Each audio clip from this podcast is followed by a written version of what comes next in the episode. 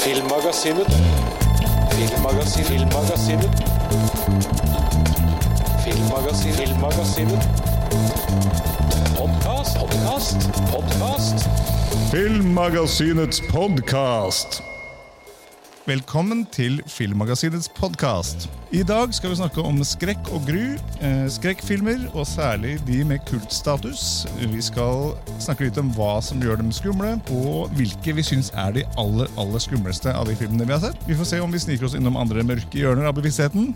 Mitt navn er Tor Aaberg, og i dag har vi med oss filmjournalist og kultfilmekspert Espen Svenningsen Rambøl. Velkommen skal du være. Mange takk. Vi har også med oss min medprogramleder Eirik Bull, Filmmagasinets ansvarlige redaktør. Yes, Espen, eh, hva er bakgrunnen din, og hvordan blir man egentlig kultfilmekspert? Oi, jeg holdt på å skrive om film i ganske mange år nå. I hvert fall 25 år, tenker jeg. En av de første tingene jeg gjorde, var en kultfilmspalte i Filmmagasin som startet på 90-tallet. Jeg regner med at du egentlig blir quote unquote kultfilmekspert hvis du bare skriver noe lenge nok. Den spalten gikk jo i ja, 25 år eller noe før Filmmagasinet uh, i print gikk, gikk dukken. Uh, så det har jo blitt noen, noen, noen filmer etter hvert. Det har det. Uh, hjelper sikkert også å ha interesse for de filmene og ha sett dem fra, uh, fra du var ung. Ja, Det er sikkert kjipt å skrive om noe i 25 år hvis du ikke har noe interesse for det. Den, den, den ser jeg jo. Ja, men det er jo også levebrødet mitt, på en måte, er å skrive om film. Ja, ja. Så det er ikke alle de kultfilmene som er like morsomme å se som det er å skrive om. Det er noen av de som har vært et temmelig bra slit å komme seg gjennom, og noen av de er temmelig drøye. Men eh, nei, for all del, jeg har absolutt interesse for det. liksom. Kultfilmspalten din var jo veldig populær, og den har inntil nylig vært på Filmmagasinet. Nå er den i Natt og Dag? er det sånn jeg har Ja, en versjon av spalten går nå i, i Natt og Dag som heter Natt og Dags kultfilmkabinett.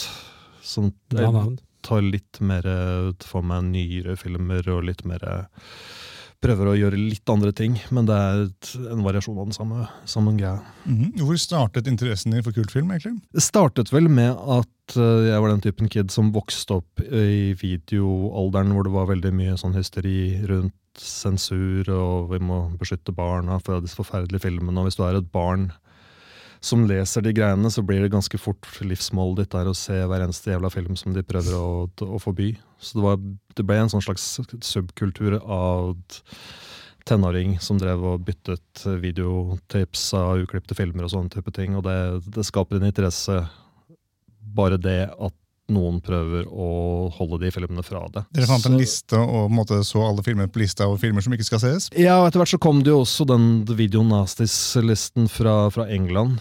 Hele det sensurhysteriet ble bygget veldig mye rundt sensurhysteriet som startet i, i England. Så den videonastis-lista fra England ble jo mer eller mindre den samme lista i Norge over de forbudte filmene. Så det var en veldig praktisk handleliste, da, at du bare så deg gjennom hver eneste film på den forbudtlista, og starta der. Så du var ute etter de uklippede filmene? Ja, ja. Det var en et svær greie med ganske mange som samlet og piratkopierte Mm. og trada og solgte og sånne type ting. Ja. Jeg hadde også noen annonser inne i et par uh, britiske blader. Jeg husker det var Sam Hain, som var en sånn fanzine, og et par andre. Så jeg endte opp med å brevveksle med samlere fra andre land og greier. Så jeg fortsatte fortsatt en svær mappe med korrespondanse fra, fra samlere fra den tiden før internett, liksom. For ja, Dette var jo før internett. Nå er det kanskje lettere å få tak i ting på nett. Dette var før DVD, det var før Blu-ray, det var VHS. Dette. Ja, ja. Det ser litt ja, hvor gammel jeg har, dessverre. Ikke Betamax. Ikke Betamax. Mm. Ikke så mye Betamax. Nei. Men VHS er jo ikke akkurat uh, Det ja, var begynner å bli en ikke i stund siden. Ja. Mhm. Så, så det, det var vel sånn det starta, egentlig. Mhm. Med, med interessen. Og så rundt på midten av 90-tallet så begynte jeg som skribent, og da ble jeg ganske fort rekruttert til å skrive om den type film for, uh, for Filmmagasinet. Tidligere så hadde jeg skrevet noe for noen britiske fanzine. Første greiene jeg skrev, var faktisk på engelsk. Mm. I tenårene for sånne skrekk-fanzines i, i England. Så du gjorde deg rett og slett kjent eh, for den typen ting? Jeg vet ikke hvor kjent jeg gjorde meg, men jeg ble i hvert fall, fikk iallfall den type jobber. liksom. I Mm. tillegg til en mye annet rart. Hvordan var det med deg og eh, kultfilmer i eh, tidlig eh, barndom, Eirik? Litt det samme. Jeg, jeg var ikke så opptatt Jeg, jeg var mest opptatt av sci-fi, men det er mye kultfilm der også. Mhm. Eh, jeg, var, og jeg er ennå opptatt av litt sånn 80-talls sci-fi, sære, sære ting som ufo-filmer og, og, og den slags. Eh, Du men har nevnt før noen dramatiske opplevelser ja. med din bror og noe ufo-greier. ja, ja, men det var, det, da var jeg jo syv år gammel, og broren min leste for meg i, eh, i eh, Møte med det uforklarlige, en bok det, Den har jo faktisk sporet opp igjen, og den eh, det var jo sånn det nye, det har vel forsvunnet, tipper jeg, eh, som hadde sånn samling av artikler fra masse numre av, av uforklarlige hendelser.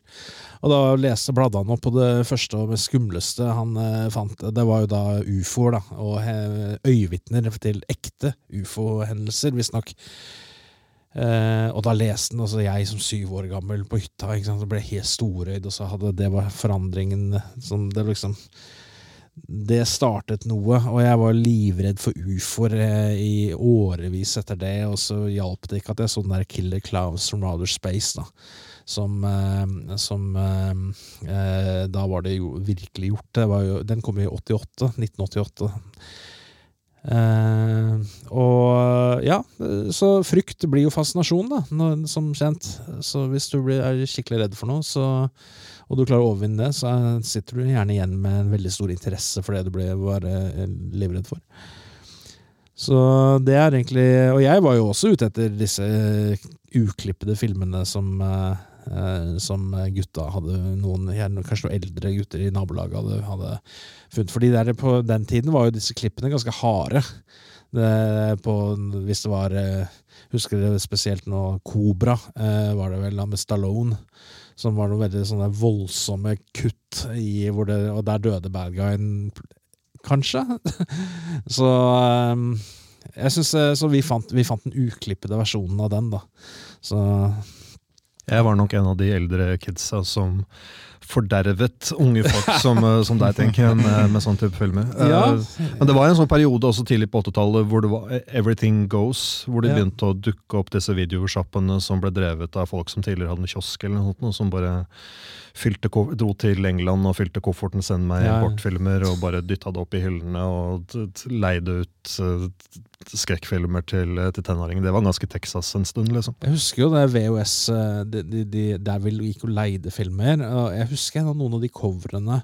Eh, og jeg ser jo gjerne på sånne YouTube-kanaler YouTube, eh, eh, om, eh, om kultfilmer. da Om, eh, om sånne rare filmer fra 80-tallet. Og da kjenner jeg så- søren meg igjen alle, masse av disse coverene. da For Mm. eh, Jeg husker en, eh, en som jeg stadig var eh, eh, Vil gjerne se, da. Eh, Skapulf.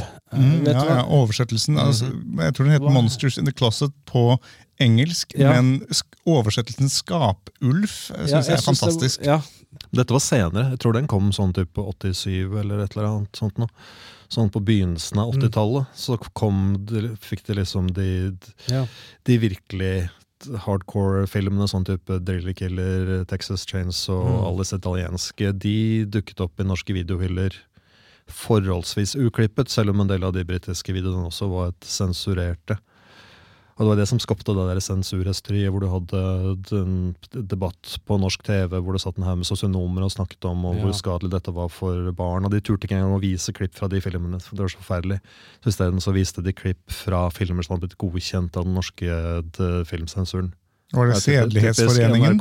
Jeg tror Klipp fra det ligger ennå ute på YouTube, og det er liksom det tørreste, kjedeligste du kan forestille deg i, i verden. og det, det gjør det bare desto viktigere å se de filmene bare som en stor fuck you til disse sosionomene og politikerne som mente at dette var verdens ende, at sånne filmer nå var offentlig tillatt. Og nå er jo på en måte aldersgrensene, er ting de viser nå aldersgrensemessig sett, er jo ekstremt mye mer groteskt og, og, og stygt enn det noen gang var på den tiden. Så det er jo fascinerende, egentlig, Det er morsomt, da. Det, er det som gikk, gjerne gikk for ba, gjerne barn kunne se. eh, Det, jeg, vi satt og så på det Det som går ofte Politiskolen går jo gjerne ofte på TV, da. Ja, ja. Og det som er morsomt nå, er at, er at eh, du kan liksom ha, ha, ha På den tiden så var det, grei, var det ikke greit med sånne brutale voldsscener og sånn, men Politiskolen er jo komedie, og der har du jo eh, gjerne toppløse damer og sånn. Det er ikke noe problem.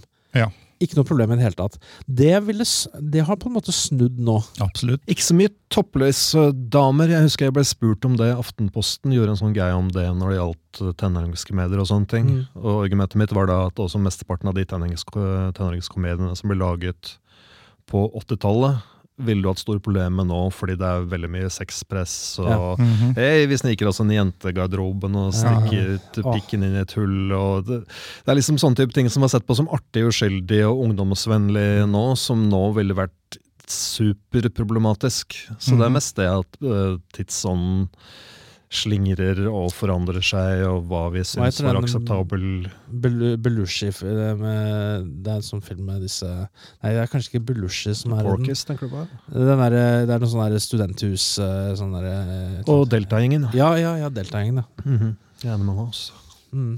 Men hva er definisjonen av en kultfilm? Ja, Tidligere så pleide jeg å si at uh, de- definisjonen av en kultfilm var at den hadde minst én dverg, men jeg tror ikke det er politisk korrekt å si lenger heller. Kan si det her. Uh, Det ja, ikke sant. Jeg fikk ikke du Eh, problemer med Det kortvokstes forening? Jeg syns vi har hørt noe om det her før.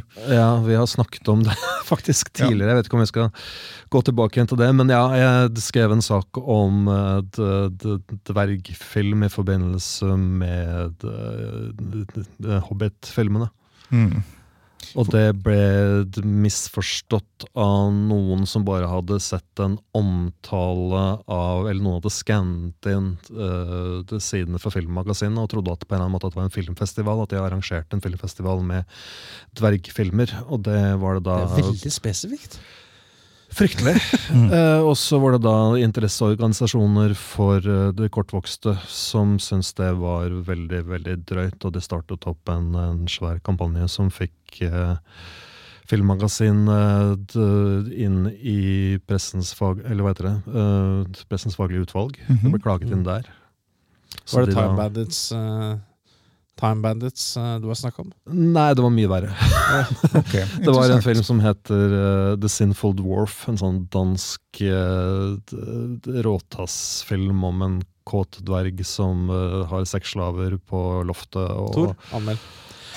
Så- du, du gjør stygge ting med unge piker med krykken sin, og det er en temmelig delvis pornografisk eh, dansk film med en tidligere barnehageklovn i hovedrollen. Er Merkelig. Oi, oi, dette høres ut som en fest for sansene. Så det var den og tre andre d, d, filmer som var forholdsvis tvilsomme. Så de, de hadde for så vidt argument i at det er kanskje ikke nødvendigvis de filmene som gir positiv oppmerksomhet til de kortvokstes utfordringer. Og jeg har full forståelse for at det ble sett på som litt politisk ukorrekt. Men hele greia endte opp med å bli frikjent på, av, den, av pressens faglige Hva heter det for noe? Pressens Utvalg. Mm. Men det var jo litt komisk å se hele den rapporten hvor de måtte s- vurdere uttrykk som rabiat, minirøver Jeg husker ikke alle de tøysete d- greiene jeg skrev. Det var litt rann også med det at jeg prøvde å unngå å bruke ordet dverg for mange ganger, så jeg var litt for kreativ i forhold til hva jeg byttet ut det med, og prøvde å komme opp med morsomme vendinger som sånn. Jeg er kanskje ikke så veldig bevisst på at det var noen som selvfølgelig ville følt seg litt støtt over akkurat det der. Så Skjønner. sorry, min, min feil. Så det var den gamle definisjonen. Hva er den nyere definisjonen av kultfilm, da? Altså, jeg må innrømme at den er temmelig flytende. For meg så er en kultfilm hva som enn passer greit inn i den spalten jeg skriver, men det må på en måte være noe som er såpass eksentrisk og weird og forhåpentligvis ikke mainstream, eller hvis det er en mainstream-film, så bør det være en mainstream-film som endte opp med å bli en stor fiasko, eller at det er en morsom historie bak hvordan den ble laget, eller det varierer litt. Grann. Må det være kontroversielt? Ikke nødvendigvis, men det bør ha en sånn hard kjerne av fans som har funnet noe i den filmen som kanskje ikke det store Det er flertallet har. Liksom. Ja. Kan en kultfilm slutte å være en kultfilm? Uh, godt spørsmål. Ja, det er et godt spørsmål.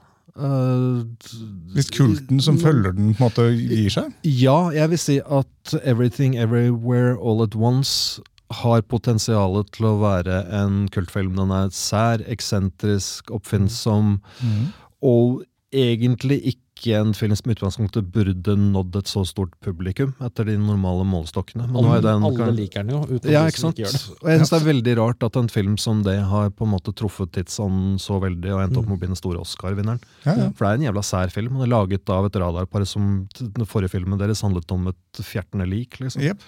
Som kan brukes til hva som helst. Ja, som også er, Jeg vil også si at Swiss, eh, Swiss Army Man, som var den filmen de lagde før, det er en kultfilm. Mm. Men Og jeg er har ikke sett den, og den skal ses. Tror Ja, meg. Den burde absolutt se. Den er morsom og t- trist og alt på en gang. Everything all at once. Så, så der er et eksempel på fall en kultfilm som egentlig sluttet å være en kultfilm i det øyeblikket den ble populær og, og ble en Oscar-vinner. Det finnes sikkert også flere eksempler på det. Altså. Vi skal se den igjen, jeg og kona skal se den igjen til helgen. For jeg så den jo første gangen da jeg var i covid-syke i Tsjekkia, eh, i Karlovar International Film Festival. Hm. Da lurer, jeg lurer på hvorfor jeg, så- jeg satt der i Det var sånn sen visning. Jeg satt der eh, i, i, i, i salen og lurte på hvorfor, hvorfor er dette så dritt kjedelig, tenkte jeg. Og så er, var jeg sli, Jeg var så sliten, jeg ville bare hjem. Eller jeg ville, jeg ville bare tilbake til hotellet. Det var kanskje fordi jeg var syk. Så eh, Det virker jo som en film du egentlig kan se med feber og egentlig Ja. bare få mer ut av den. Da, Ja, ok, da, ja, da blir det interessant å se den igjen. da. Vi får se. Det kan godt hende at bare vi ikke har lik smak, og det er også greit. Ja, men jeg, jeg, jeg, satt, jo- jeg satt jo så Oscar-utdelingen live og eh, satt og, og skrev med de som holdt seg våken på Filmmagasinets Facebook-side. Og, og jeg satt, vi satt og heiet på den filmen, Så altså. bra. Ja, og vi, vi lagde jo nylig en episode mens du var bortreist, Ja, om eh, Everything Everywhere All At Once. Der har dere også mobbet meg fordi at jeg ikke likte den. Mm -hmm. På min Naturlig oppfordring, vel å merke. Ja da. ja da. Um, nei, altså, jeg, jeg, jeg, jeg tror den er morsom, jeg, men er det en kultfilm? Det er som uh, Den kunne ha vært den har Ja. alt potensial til Ja. å være det, men så tok historien en rar retning i den andre veien, hvor den plutselig Ja. da ble årets store Oscar-vinner isteden. Så verden er merkelig. Men en kultfilm blir ikke en kultfilm uten en stor masse med folk som følger den og på en måte har, gir den kultstatus. Ikke nødvendigvis, men iallfall du bør ha en litt hard kjerne med folk som er fanatisk opptatt av den. Eller altså Min definisjon igjen er litt flytende, fordi jeg drar inn eh, exploitation-filmer og grindhouse-filmer og ekstreme filmer og bare et uoppdagede filmer som jeg føler fortjener oppmerksomhet. Det kommer litt an på hva som passer inn i det regnestykket som har vært eh, den kultspalten. Har budsjett noe å si? Nei, egentlig ikke. Men det er klart at hvis du har store budsjettfilmer som går helt på trynet, så er jo det morsomme ting å skrive om. Du har jo den, den Super Mario Bros-filmen, for eksempel, som kostet kjempemye penger og ble en eh, spektakulær katastrofe, eller Howard Duck, eller alle disse her eh, mageplaskene, som ender opp med å få en sånn slags kultstatus fordi det er en liten hard kjerne som går mot strømmen og syns de filmene er kule, eller syns de er morsomme bare fordi de er dårlige. Det kommer litt an på. Og kan alle replikkene? Ja, ikke alle, så Men iallfall ja. Eh, blir det da en kultkalkun, det da, eller? Ja, det er iallfall det vi har beskrevet det som i, i- på Filmmagasinet. Om filmen er bra eller dårlig, har det noe å si? Eller er det som, for det, det finnes veldig mange kultfilmer som er så ræva at veldig- eh, de blir bra, på en måte. Jeg tror det er en fordel at de ikke er bra. Altså For min egen personlige del så er det mye morsommere med filmer som er bare så totalt feilvurdert at det blir fantastiske. Det er liksom. også veldig subjektivt, da. Hva som er bra og ikke er bra. Det Så jeg bruker, jeg bruker jo aldri, så å si aldri ordet dårlig om en film. Fordi at uh, det er bare min mening. Det er sant. Den er, og, og, man skal kalle noe objektivt dårlig. Det er mange som sier at denne filmen er objektivt dårlig, men eh, saken er at uh, det er veldig veldig få filmer som faktisk er. Jeg kan tenke, at Uwe Boll sine filmer er objektivt dårlige. Men eh, han lager, er, de, er hans kultfilmer, eller er det bare til irritasjon? Jeg vil si det er mest til, til irritasjon. Det er vel kanskje den der Postal han har laget som kanskje muligens kvalifiserer, men uh, han er mest et hatobjekt. Men det er jo også fordi Uwe Boll er Uwe Boll og er en så uspiselig person, så det på en måte spiller inn i den kulten rundt at han er en han? Skikkelig kødd. Uh, nei, de, de overhalte det tyske filmstøttesystemet, som Ah. han melket til siste dråpe. Okay. Så etter det så har han hatt store problemer med å finansiere filmene sine. Han har prøvd via folkefinansiering og, og sånn, men det er selvfølgelig ingen som vil gi han penger frivillig. Så, så han sliter litt. Greit nok, egentlig. Ikke for å være ha schadenfreude her, altså, men eh, Jeg har ikke sett en eneste film av han som er god eller på noen måte. Men du snakker om objektivitet, så er jo ingen eh, form for filmanmeldelser er jo objektivt. Det er jo uansett det er jo bra, subjektivt. Så. Ja. Men det er, det er jo de, som- en en del av dem skrives jo som, som om det skulle vært det. Som om dette her er, dette her er en sannhet, det jeg sier, sier nå i denne anmeldelsen. De fleste tenker jo på sin egen smak som sannheten. Da. Jeg må jo innrømme det selv også. Når jeg ser en ting og skriver en anmeldelse, så tenker jeg jeg tenker jo selvfølgelig at jeg har rett. Det er Ja. en naturlig ting. Alle har sin egen mening. Selvfølgelig. Så det er det er jo mest det at folk som leser, du velger på en måte den film, de filmkritikerne som korresponderer med din egen personlige smak, og som Mm. du er enig i, og så ender du kanskje opp med å føle at de snakker litt til deg. I hvert fall det jeg håper på. At det, det jeg gjør er ganske smalt, stort sett. Hvis du Mm. ikke snakker om anmeldelser i Dagsavisen og sånne ting, som favner bredere om å være litt mer nøytrale. Så, så håper du på at du måtte kan nå den lille harde kjernen av folk som er interessert i sånne ting. liksom. For å vri ting litt mer inn på skrekkfilm, da, som jeg tenker vi skal ha som hovedtema her i dag. Eh, mange kultfilmer er jo skrekkfilmer. Hvordan får de kultstatusen sin? Er det liksom skrekken det, kommer fram? Skal jeg spekulere det, så tror jeg det går litt tilbake igjen til den sensurgreia. At en stor del av de filmene som opprinnelig ble forbudt, var skrekk- eller horrorfilmer og ekstreme filmer som skremte folk. Så det, jeg tror det er litt innbakt i, i akkurat det. Men det er jo sjangerfilm generelt, da. Det er jo det med altså, skrekkfilmer som ofte tiltrekker en liten hard kjerne av, av fans på en annen måte enn mer mainstream filmer. Selv om nå kan du argumentere at uh, skrekkfilm er et veldig mainstream også. Det har blitt det, på en Så måte. det er jo forskjellige strømninger. og Hvorvidt du ser Megan eller om du ser uh, The Witch og The Lighthouse, så er det på en måte litt annen type publikum, tenker jeg. Mm. Så, så ikke all skrekkfilm er kultfilm, liksom. Nei, Hvilke vil du si er det mest ikoniske kultskrekkfilmene? da? Øh, vanskelig spørsmål. Ja. Før sendingen nå så hadde vi en diskusjon om italiensk uh, horrorfilm, at du egentlig ikke burde nevne det fordi Erik, Fordi uh, de, eh, det går så, ofte så hardt utover dyr der, og jeg er veldig glad i dyr. Så eh, det er italienske horrorfilmer og grøssere og kultfilmer har dere Det er en stygg historie der med at de for innspillingen så drepes eh, ekte dyr på, foran kamera. Og det er helt utilgivelig, rett og slett, i min bok. da. Og jeg er helt enig i det. Det er derfor jeg syns det var et bra poeng kom igjen. Og jeg har prøvd det når jeg har skrevet om disse filmene, at jeg påpeker at det er scener i filmen hvor de skader forsvarsløse dyr. Men det er jo absolutt ikke det, sånn begrenset til skrekkfilmer eller italienske filmer. Jeg mener bare nå så dukker det stadig opp sånne Arthouse-filmer hvor de på en eller annen måte føler at det er helt ok, siden de lager kunst, å slakte og torturere og gjøre helt forferdelige ting med dyr. Og veldig veletablerte regissører som slipper unna med det uten noen form for kritikk. Den dag i dag, faktisk. Ja, Fortsatt. Altså Fra Michael Hannicke til eh, Carlos Regada syns det er helt ok å plage i hjel dyr på, på film. Og de har på en måte klart å slingre seg unna noen form for kontroverser eller kritikk eller boikott pga. det. Og Jeg har også skrevet om det i, en, i noen anmeldelser, at jeg synes det er veldig rart når vi har hatt nå en metoo-bølge. At vi ikke har kommet dit hen at vi også har en bølge hvor etablerte Arthouse-filmskapere ikke får grov kritikk for å mishandle, torturere og plage i dyr på film. Det er på en måte noe som folk i kulturkretser ikke har lyst til å berøre. Det er på en måte blitt møtt med en sånn merkelig stillhet. At uh, de på en måte kontinuerlig slipper unna med dyremishandling på, på film fordi de lager kunstfilmer og Arthouse-filmer. er er for- Altså. Og de fortjener like mye kritikk for å gjøre det i dag som italienske filmskapere Mm. får kritikk for å gjøre det på 60- og 70-tallet. Liksom. Det, er, det er, eh, går an å sjekke på nett, fordi det er en organisasjon, eh, amerikansk organisasjon som eh, overvåker eh, hvordan dyr blir behandlet i innspillinger. Eh, og den, den ser du, hvis du ser hele, helt ned i rulleteksten på en film, så ser du at eh, ingen dyr ble skadet under denne innspillingen her. Den må de faktisk for å gjøre seg fortjent til, for da skal du ha, eh, skal du ha en observatør. På, fra dem på, på innspillingen.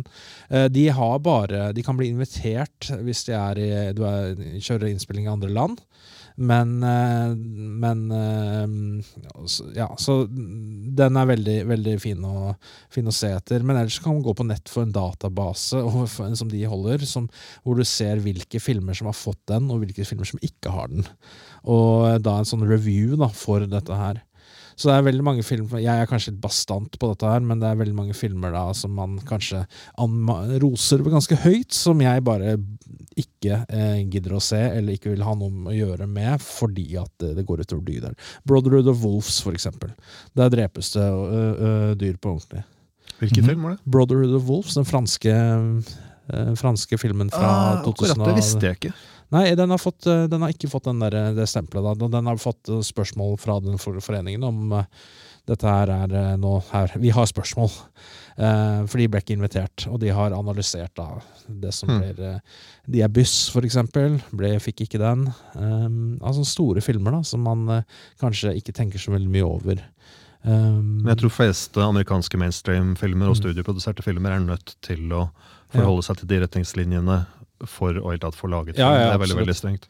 Absolutt. Men igjen, når det er litt uavhengige produksjoner, og at, uh, da, at Arthouse-filmer og at, uh, produksjoner i andre land, så har de et mye mer avslappet forhold til, uh, til sånne ting. Ja, altså Hvis det er innspillingen skjer i andre land, og sånn, så har du for eksempel sånne, sånne eh, 80-talls og eldre filmer som Conan the Barbarian. eh, Den, fikk jo, den har jo fått veldig mye eh, fra den foreningen. Og også disse, for ikke snakke om Ben Hur og sånn, da.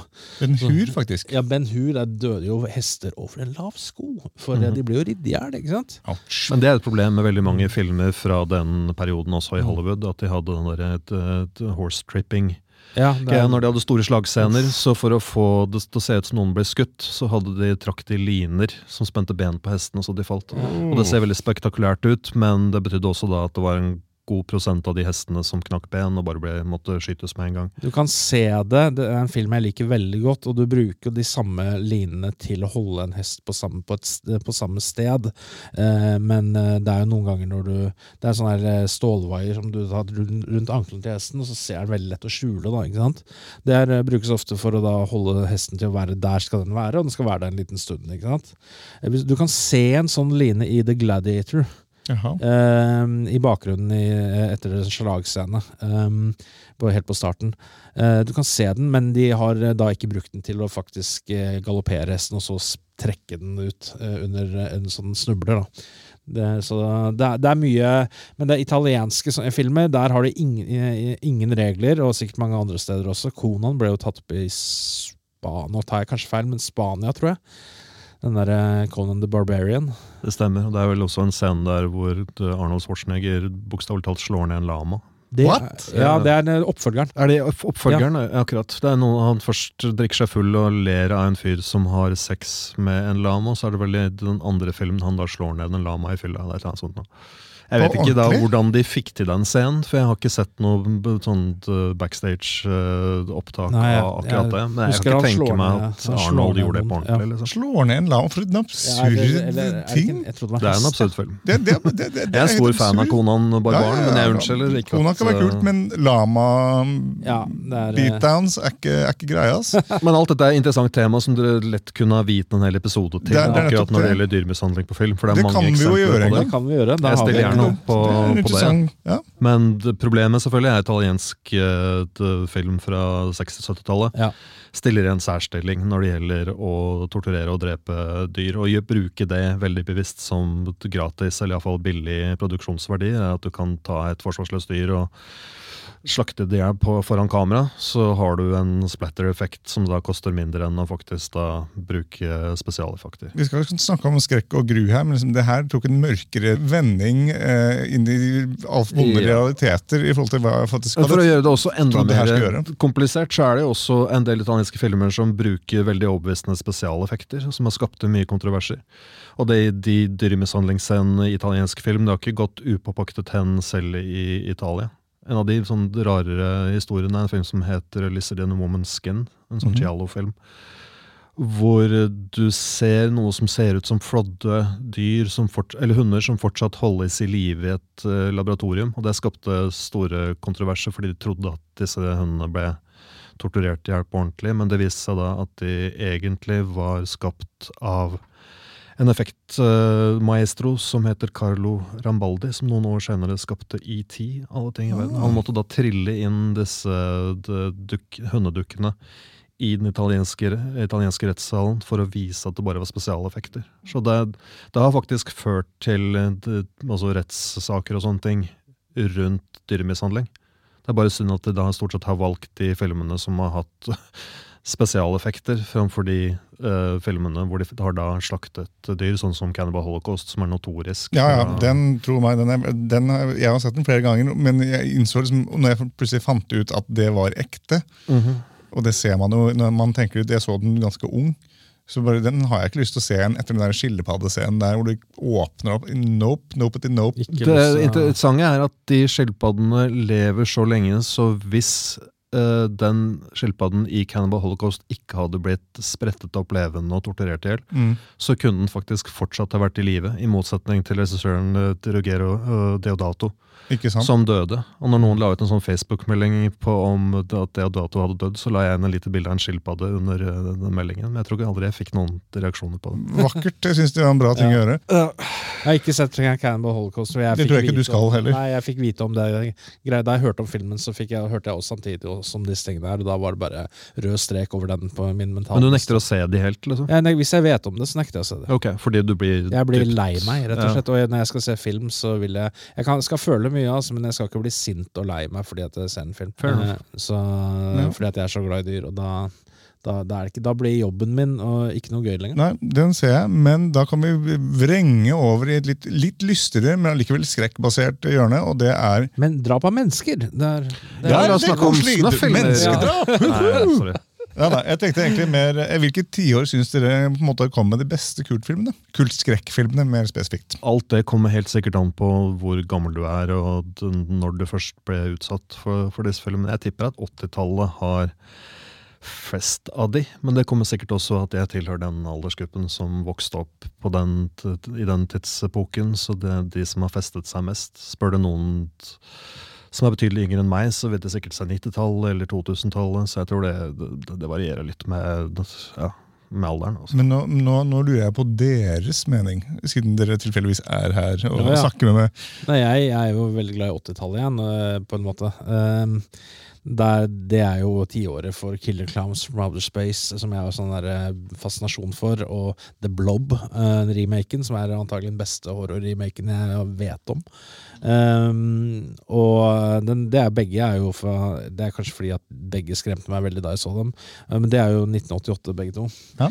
Men uh, en uh, annen kultfilm som jeg uh, Det er, det er vel 70-tallet, da, den uh, som jeg liker veldig godt. Og det er ikke horror egentlig, selv om den har det i tittelen. Det er Rocky Horror Picture Show. Den syns jeg er fantastisk. Den er det, enig i det. Så, men det, det, spørsmålet er jo da om eh, et, et spørsmål er jo da om uh, f.eks. Killer Clowns from Outer Space, som har en så utrolig sånn uh, kultfilm-following, da.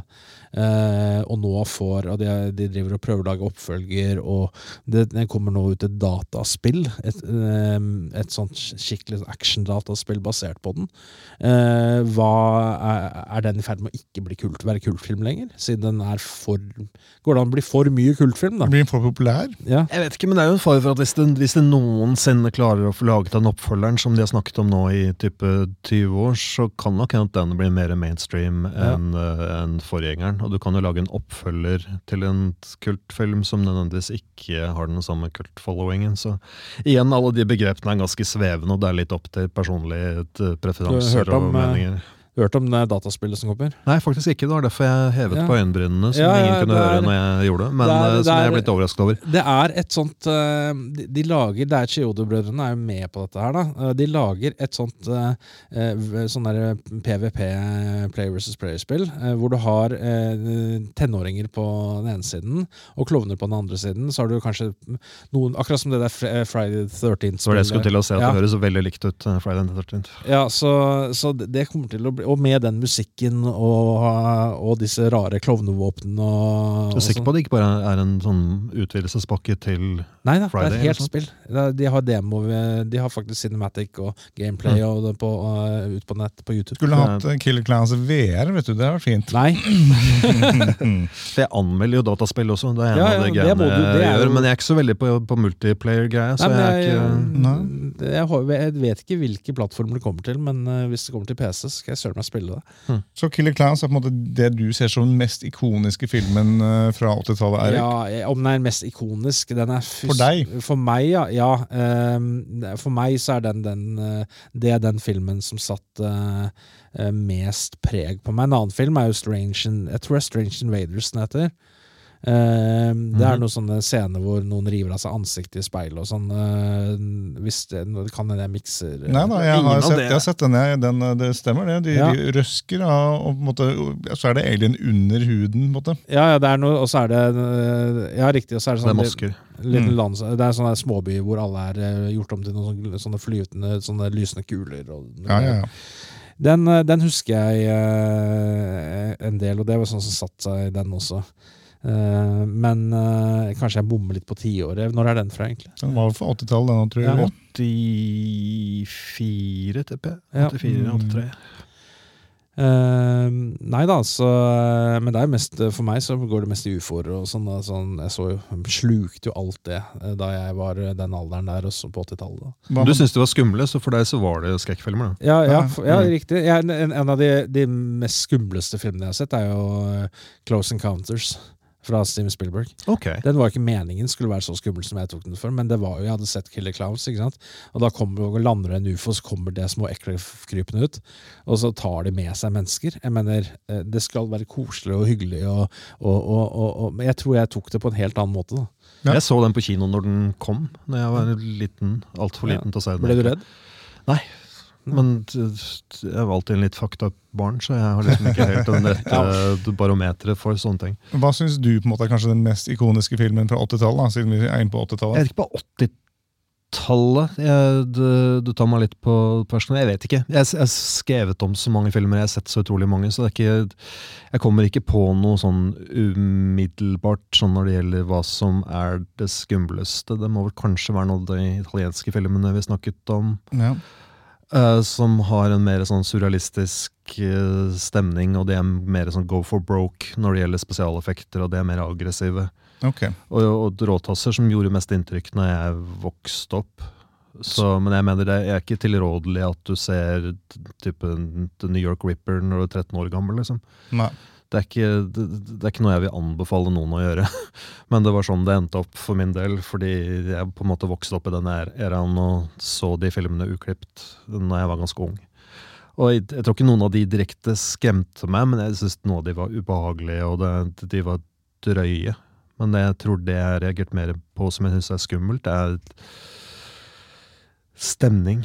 Altså atmosfære, tungt, noe som er truende, mer enn blodige spesialeffekter. For jeg var ganske bevisst det at det var lateks og kunstig blod og sånne ting. Men når noen er mer uhåndgripelig, sånn eksistensielt truende, så er det vanskelig når du er et barn å egentlig sette fingeren på hvorfor du syns noe er ubehagelig. Det passer Så- egentlig bra, fordi det jeg hadde tenkt å spørre om, er jo på en måte hva Blir dere skremt av skrekkfilm? Og du sier jo da at du ikke gjør det. Jo, det. jeg gjør absolutt eh, det, men ikke sånn at det sitter i meg veldig. Men det er noen filmer som kommer under huden på deg som du syns bare er fuckings creepy. liksom. Mm. Også moderne filmer. Jeg syns det dukker opp stadig nå filmer, moderne skrekkfilmer som er oppriktig uhyggelige. Og det, ikke det at jeg går rundt og har angstanfall etterpå, men når du ser de, så er de tens. Og jeg sånn, I forbindelse med at vi nå skulle snakke om skrekkfilmer, så gikk jeg inn for å prøve å finne ut hva var sett på som objektivt de skumleste filmene. Og det er faktisk da forskere som har tatt Altså rekruttert forsøkspublikummer, koblet de fulle av sånn hjertemålere og EKG og sånne ting, og prøvd å vitenskapelig komme fram til hva som er vitenskapelig de skumleste filmene. Og Sånn hvilken i kom du fram til? til? Det varierer litt i forhold til undersøkelsene. Én var Sinister. Mm. eh, som jevnt over ga folk høy puls og gjorde de svette og skapte ubehag. Uh, og så var det en Må jeg jukse litt og ta fra mobilen min for å huske hva den heter for noe. Jeg har sett den, men det er en sånn found footage-film som kom nå i Jeg tror det var fjor. Host fra 2020. Britisk lavbudsjettfilm. Ja. Zoom-skrekkfilm, hvor folk blir hjemsøkt uh, mens de prøver å mane opp en ånd over eh, Zoom. Ja, ja, riktig. Sånn, Som ikke jeg syntes var så fryktelig skummel når jeg så den, men det er mulig hvis du hadde kobla meg full av EKG-mål, at jeg fikk noe høyere puls allikevel. Jeg vet ikke, Det er vanskelig å, vanskelig å vite.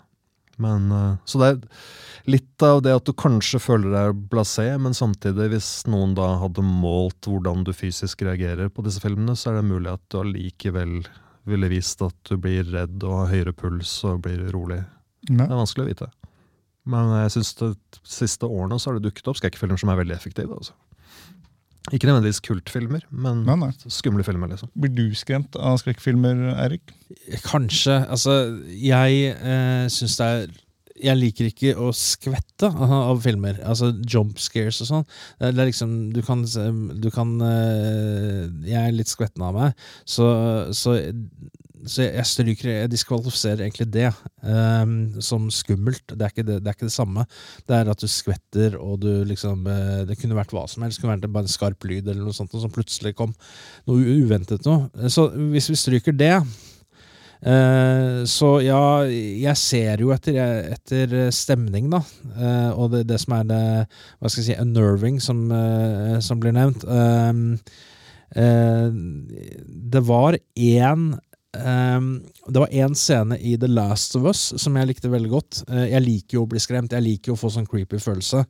Eh, jeg liker ikke å bli skvette, som sagt.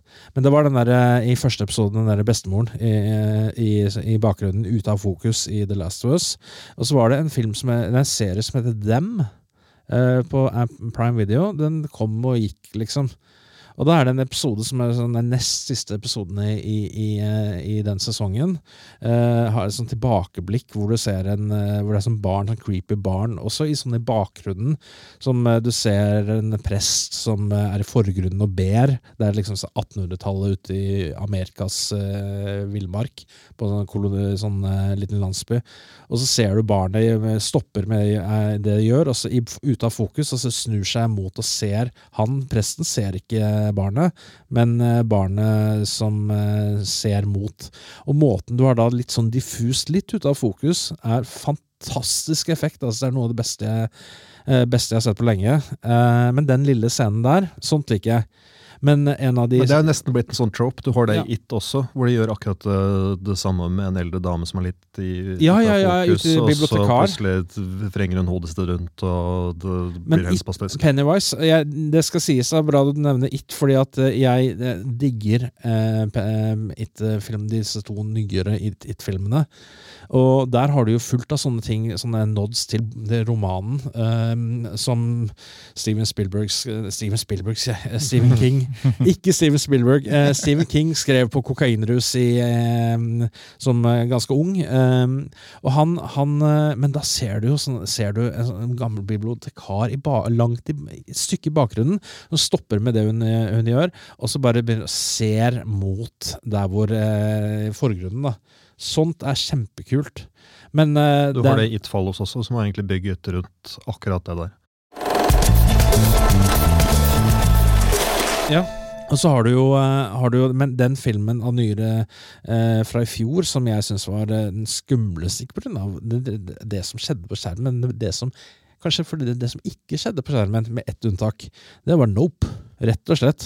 Hmm. Nope Synes Igjen science fiction, så det er et eller annet med Ja. det at du blir redd av akkurat det. Og den er jo ufo-basert i utgangspunktet, så det, det treffer jo rett i det du har snakka om, og det, det du syns er skumlest. Så det er ikke så rart. Og, og Nope er det, det, det er, Der fungerer tema eh, i filmen med det som skjer, og også det derre hva som eh, Hva som er Hva det hinter til som skjer.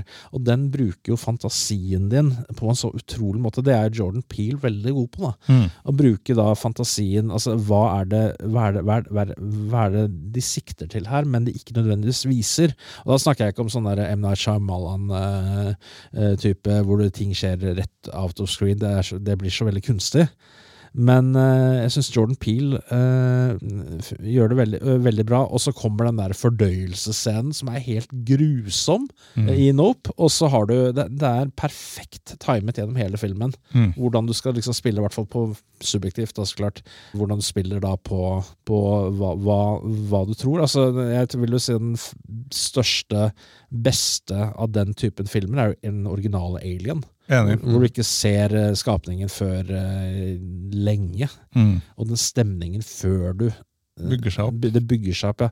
Alien det er en spøkelses... Det er basically en sånn ghost ship-film, ikke sant? Mm. Så det er det som skremmer meg. Blod og gørr på skjermen, og sånn derre bo!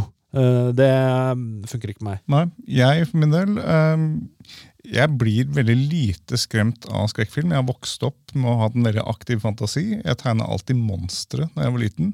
Alltid vært glad i liksom, mørke, monstrøse, skumle, forferdelige ting. Og det har også gjort at uh, skrekkfilm tiltrakk meg ikke for frykten, men nå så er det sånn nå søker jeg jo etter å få kjenne på den frykten. fordi det er veldig få skrekkfilmer som faktisk gir meg den følelsen. Og jeg elsker det når man har den kontrollerte måte, fryktfølelsen. Jeg syns det er kjempemoro. Du, du skrev jo om Terrifier 2 for oss, så det er eh, Ja, ja. Og jeg, på en måte, Terrifier 2 er ikke skummel. på en måte. Det, er- det er en skamferende, blodig seriemorderklovn fra helvete, liksom. Og den er jo ekstremt voldelig, og folk har liksom spydd og driver på. Jeg syns den var morsom. Eh, og både fra det var noen stygge den, jeg, så- stygge scener i den, liksom. Ja, Den er ikke spesielt Jeg har også anmeldt den, og sett den selvfølgelig. Eh, og den er ikke skummel, men den er absolutt sånn grenseoverskridende i forhold til hva man er vant til å se spesialeffekter på film nå. Den går lengre. Det er blant annet en scene hvor du en jente som ikke bare blir mutilert og drept, men så kommer klovnen tilbake etterpå etterpå, heller jod og sa gnir salt i sårene hennes. For det blir så sadistisk at det er stor komikk. Det er jo ment å være humor. Mm. Slem humor, humor. svart humor, men fortsatt uh, mer sånn galgenhumoristisk enn den er direkte skummel.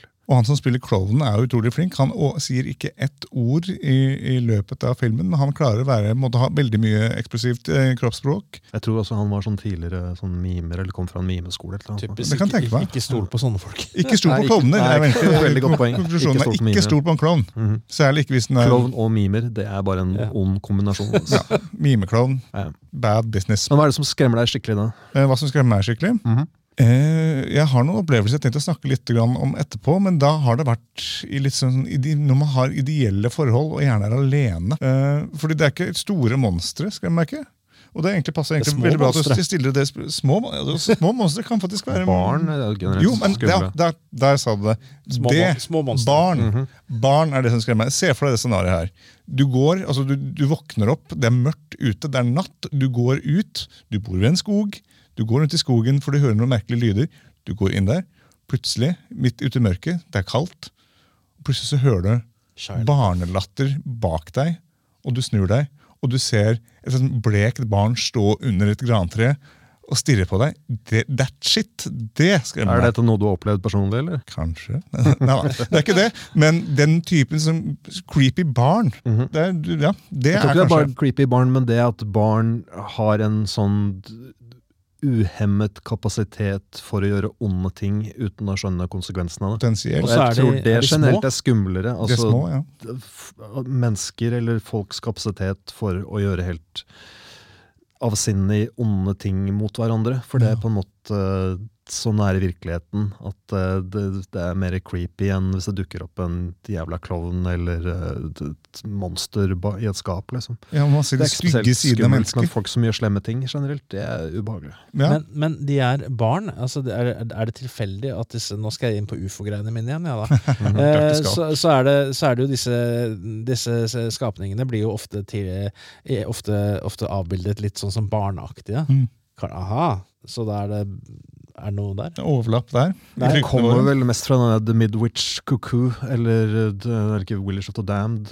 Ja, ja, ja riktig. Den Så- er jo Har du på en måte hvordan vi som kultur har en tendens til å justere hva vi er redd for, eller hva vi sånn, sånn blir en del av de offentlige mytene, i form av hva vi allerede har sett? Det er sånn som vi snakket om ufo. Ja, men, men det er jo Det er grunnen til at folk begynte å bli redd for ufoer på 50-tallet. Ja. Når de først dukket opp i popkultur og dukket opp i filmer. Liksom. Det var ingen ufo-observasjoner av nevneverdig før det, men plutselig når det dukker opp ufo-filmer, og filmene forteller oss Mm. hvordan ting ser ut, Mm. så er ikke folk lenger redd for eh, nisser i skogen, de er redd for eh, små grønne menn i stedet. Det akkurat som kom Så- jo veldig mye Loch Ness-observasjoner etter den første King Kong-filmen. Fordi da var det en sånn eh, Det er en scene i den, eh, den King Kong-filmen hvor du har eh, jeg en av de første King Kong Jeg vet ikke om det er aller første, men det er en scene hvor du har sånne der, dinosaurer som dukker opp av et vann. Sånn veldig stor, sånn gammel effekt. da hvor du, Sånn lang hals, ikke sant? Og etter det så kom det masse Loch Ness rundt Loch Ness, da selvfølgelig, Ja. i Skottland. Masse observasjoner av det monsteret. Men historien er full av det. Det er samme som jeg hadde tenkt jeg skulle nevne Exorcisten. Uh, og det, det er jo et sånt tilfelle hvor det at folk så filmen, skapte et hysteri hvor- veldig veldig mange plutselig ble overbevist om at ungene deres var besatt av demoner fordi de oppførte seg stygt. Og det samme igjen når Omen kom, hvor de plutselig ble opp, uh, begynte å mistenke at barna deres egentlig var Satan. Så det er et, alltid en sånn der sammenheng mellom når noen virkelig treffer popkulturen, og hva folk er et, et redde for i virkeligheten. Så det, det, det at Vatikanet plutselig fikk jævlig mye å gjøre eh, når det gjaldt uh, djevelutdrivelser og sånne ting etter The Exorcisten, det, det er neppe tilfeldig. Og igjen, nå har de hatt en oppsving igjen fordi det dukket opp flere sånne besettelsesfilmer utover på 2000-tallet. liksom. Det var jo en periode for noen år siden hvor det var en sånn trend med skumle klovner, da. Var det ikke det? Jo, jo. Det var jo folk som drev igjen, på. I forbindelse med It så dukket, syntes folk det var morsomt å kle seg ut som klovner og skremme vettet av folk, særlig i USA.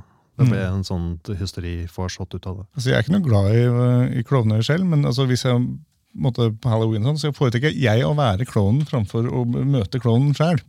Hva med de som jobber som klovner, da? Jeg mener, det er jo, må jo En Stigmatiserende. altså. dette, nå er legitim jobb, det. Ja, ja, det er jo det, Nå, nå, Er det nå sier det? ikke vi noe om det. Er, det. Er det en Det er jo jobb? profesjonelle klovner. Altså, hvis det er noen profesjonelle klovner som hører på dette her, så, så får vi beklage for John, sier. John Wayne Gacy var også en profesjonell klovn, så jeg mener Jeg, har jo, altså, jeg elsker det memet, selv om det er litt stygt. Både Hey, I just met you, and this is crazy. Uh, here's my basement. I'm John Wayne Gacy. Så -hmm. jeg jeg vet ikke. Jeg syns ikke så veldig synd på de som jobber som klovner. Nei. Det er- skal sikkert en spesiell Nei, interesse altså. til. Men det er klovning. Jeg møtte jo han Eller eh, pedofili. Jeg vet Jeg møtte jo. Jeffrey Rush uh, i fjor. Ikke damer, og sånn? Nei, Jeff Rush, altså skuespilleren Jeffrey Rush, King's Speech. Den. Han, han var veldig opptatt av klovning som en sånn profesjonell skuespillerteknikk. Eh, spesielt da, da han eh, da snakket om Pirates of Caribbean. Han spiller jo han eh, Barbosa i Pirates of Caribbean. Han er veldig opptatt av silhuetten. Altså, du ser aldri Barbosa uten hatten, for eksempel. For det er en del av hans silhuett.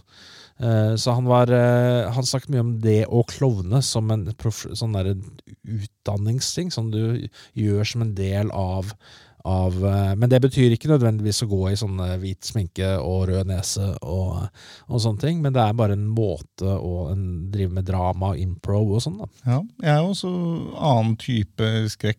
Eh, bortsett fra den klovneaktige er jo cosmic horror. altså Ja. Lovecraftian horror er jo altså kosmiske sku, gamle en, entiteter og kulter som, ja, og folk som oppfører seg merkelig grunnet religiøse overbevisninger. Den- Det er også ganske skummelt. Cosmic horror er, er kos. Religion generelt er skummelt. Ja, ja, ja.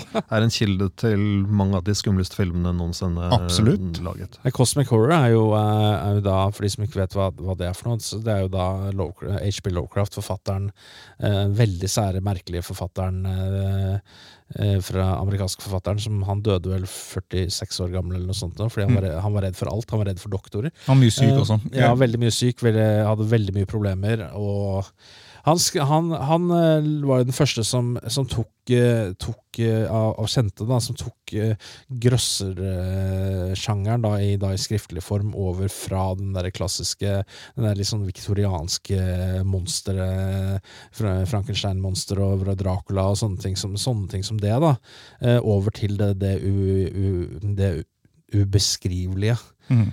Og da har det jo den kommet i, for noen år siden, så de har prøvd å filmatisere dette her eh, flere ganger. Eh, Cosmic Horror er jo overalt, men, men eh, for eksempel den derre Jeg liker den Nicholas Cage-filmen, Co- 'Color Out of Space'. av han der merkelige regissøren. Som han, han driver og jobber på Dunwich horror nå. eh, så det, det, blir, det blir gøy. Det er jo Color Out of Space og Dunwich horror er jo Lo- Lovecraft eh, Lovecraft-noveller. og eh, Guillermo del Toro har jo lenge forsøkt å lage At the Mountains of Madness. Mountains of Madness ja. Og jeg håper jo ennå på at han får gjort det, da. Ja, ja. Eh, han får jo ha bare suksess etter suksess etter suksess, og nå, han, han kan jo bare lage det han vil nå, tror jeg. ja. Så, Netflix bør jo absolutt belønne han for å ha vunnet en Oscar Ja. nå nylig, så Ja. det, han har vel bedre sjanser nå enn enn noensinne. Men det var jo et, et ekstremt dyrt prosjekt. Jeg tror det var sånn type 250 millioner eller 230 millioner et uh, prosjekt som han kom ekstremt langt med. ma manuset til han eh, Guillermo del Toros Colorado Space, eh, det er jo, ligger jo på nett nå. Eh, så jeg vet ikke om Altså, den har, det manuset har vi faktisk på filmmagasin.no, hvis man går inn på H, altså Cosmic Horror HB Lovecraft. Uh, Lovecrafts demoner heter den, uh, den artikkelen. Den er på horrorspalten vår. Som du skrev, ja. Ja, som jeg skrev, ja.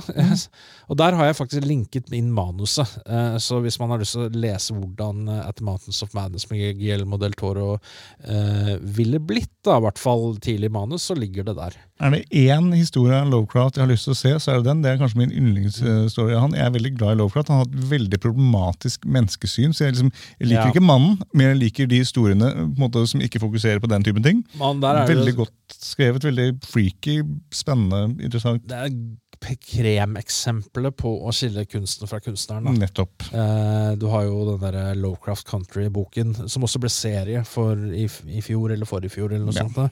Eh, jeg, var, jeg var fan av boken, men ikke så veldig mye av serien. Ikke jeg heller. Eh, så, så der har du jo Den er jo veldig sånn Lovecraft var jo, bare, bare for å være helt tydelig på det, Lovecraft var et forferdelig menneske. Mhm, absolutt. Eh, han hadde problemer, han hadde veldig mye problemer, men hvis man leser de eh, romanene hans, og spesielt de brevene han skrev til sine utvalgte venner, så um, Han skrev veldig mye brev, så vitner det om at en mann med store problemer. Han var, han var en voldsomt si, entusiastisk rasist. Ja. Til og med sammenlignet med det eh, med den tiden han levde. Eh, når du har eh, forfatteren av, av Konan-historiene, hva heter han igjen? Howard. Ja. Eh, eh, Robert, Robert E. Howard. Robert T. Howard, som var en venn av han, eh, som eh, ber han ta seg roe det ned litt. Grann. Eh, da, han er, og det er en skikkelig Det er en texaner Mm. eh, på, på, på den tiden der, på 20-tallet, 30-tallet. Men historien hans er allikevel det er noe med dem. Det er, det er akkurat det det er. Men hvorfor søker vi mot det mørke og forferdelige, tenker dere? Jeg tror Jeg har skrevet litt grann om det. Jeg tror egentlig ikke vi går for å se skrekkfilmer for å bli skikkelig skremt. Jeg tror vi går og ser dem fordi de er betryggende. Fordi vi kan rømme ut av det. Vi kan, ut, vi kan på en måte utsette oss for skumle ting i veldig trygge omgivelser, og så føle at vi er bedre rustet når vi kommer ut igjen. Jeg tror det er en grunn til at skrekkfilmer er særlig populært blant tenåringer. Særlig nerdete tenåringer og tenninger som kanskje ikke er så veldig tøffe. Hvis du ser generelt, så er det det, det, å se på skrekkfilmer er litt sånn nerdesport hvor du føler at du mestrer noe, og at du på en måte tåler noe som ikke andre gjør. Litt av det samme Jeg mistenker at black metal-miljøet tiltrukket seg en del nerder opp gjennom årene også, er at du føler at du på en måte er i, gjør noe tøft. Ja da, jeg er jo fan av black metal, jeg. Så på en måte, jo, jeg kjenner mange i det miljøet, så jeg vet akkurat hva du mener. Mhm. He-he. Det er en del nerder. Det er mye, nerder. mye. Det er liksom veldig mye veldig søte, hyggelige mennesker som kan se litt skumle ut. Og de fleste av dem er kjempeålreit. Og så er det en bitte, bitte, bitte, bitte liten prosentandel som spiser barn. ja, ja. 0,3% toppen. Yep. Uh, så jeg tror det er noe med det at vi føler at vi mestrer eh, redsel og våre egne nevroser og sånn type ting. Men det Ja. finnes jo også filmer som er mer aggressive, som gir deg mer et ubehag enn jeg tror folk er forberedt på. Så det, det er litt sånn variasjoner av akkurat det der. sånn. Det er eh, det Enkelte skrekkfilmer går etter strupen og absolutt går lenger enn å få folk til å føle seg skremt i trygge uh, omgivelser. Så, det, så det, var, igjen, det varierer litt. Det er så mange subsjangre. Det er så, sånn stor eh, variasjon i årsaken til at folk ser skrekkfilmer. Men jeg tror disse vanlige, trygge sånn type horrorfilmene à la The Conjuring og sånne ting, som har vært veldig populært de siste årene, det tror jeg er folk, ting som folk ser fordi det er mer betryggende og koselig enn det er direkte skummelt sånn på en måte som gjør deg fucked up når det kommer ut. Mm. Men du har også de filmene som absolutt går inn for å fucke deg opp. liksom.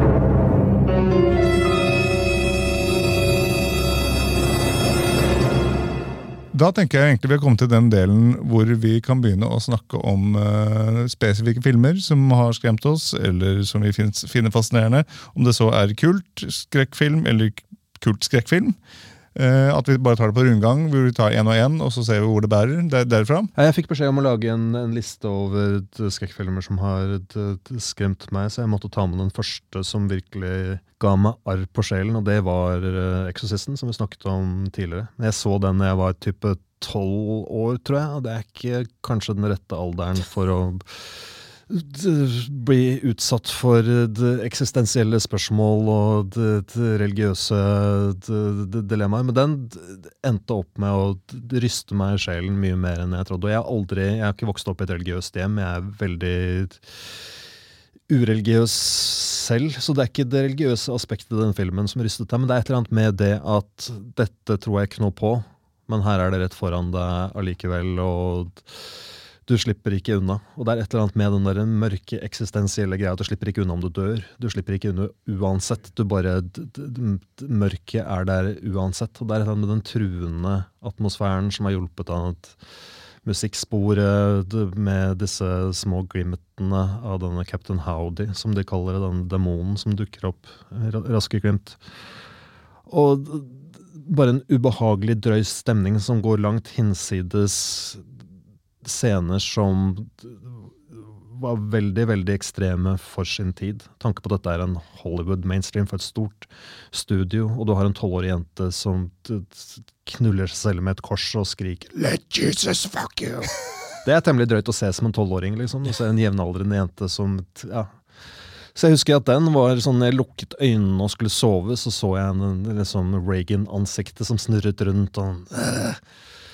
Så, så det gjorde absolutt stort inntrykk. Og jeg har sett sånn senere at det er en del filmer som handler om religion og sånne eksistensielle ting, som fucker meg opp med en del andre ting, selv om jeg som sagt ikke er noe religiøs i det hele tatt. Og det er interessant hvor mye hysteri den filmen skapte i USA også, hvor folk besvimte i seteraden og kastet opp, og de måtte ha syke biler utenfor eh, filmvisningen, og det var Den pisket opp et sånt enormt hysteri i selve folkesjelen. Det var spesielt. Fikk du et anstrengt forhold til ertesuppe i ettertid? Jeg har aldri likt ertesuppe, men ja, sikkert. hvem har vel det? Ja, ikke sant.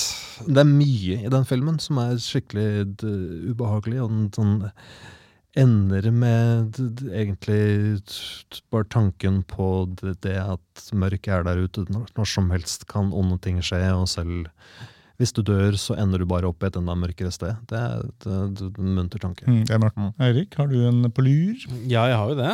Eh, Jeg har jo altså hva som har eh, Tenk på hva som har skremt meg nå i det siste, eller eh, Det er fritt, Eller- fritt eller, vilt, holdt jeg på å si. Ja, men da har vi har snakket om Killer Clowns from Outer Space, men jeg får- må jo nevne den da igjen. Og, Klart du må. og, og fordi at det er den der går for å være den, den, den klassiske Hvis jeg tenker filmer som har skremt meg, så er det den jeg tenker på.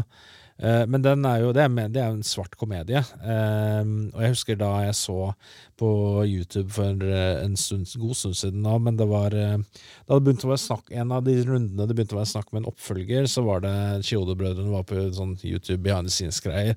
Da sitter de der, tre stykker, da. Eh, sitter de der og, og første sier 'OK, it was us'. Sånn at når de, når de begynner intervjuet om den filmen. For den har jo skremt ganske mange, da. Og, men jeg tror grunnen til det er at eh, det er jo kombinasjonen av klovner og ufoer. Altså, det blir jo ikke verre. Eh, og, og det der med at de, de der, den derre Hvis jeg skal begynne å dissektere dette her, så er det vel den casual måten eh, som de eh, de eh, de klovnene gjør det de gjør på. Det er jo sukkerspinnpistoler og popkornvåpen, og, og så begynner sånne der sære sci-fi-hoder som, som mitt eh, begynner å tenke hva er dette betyr egentlig?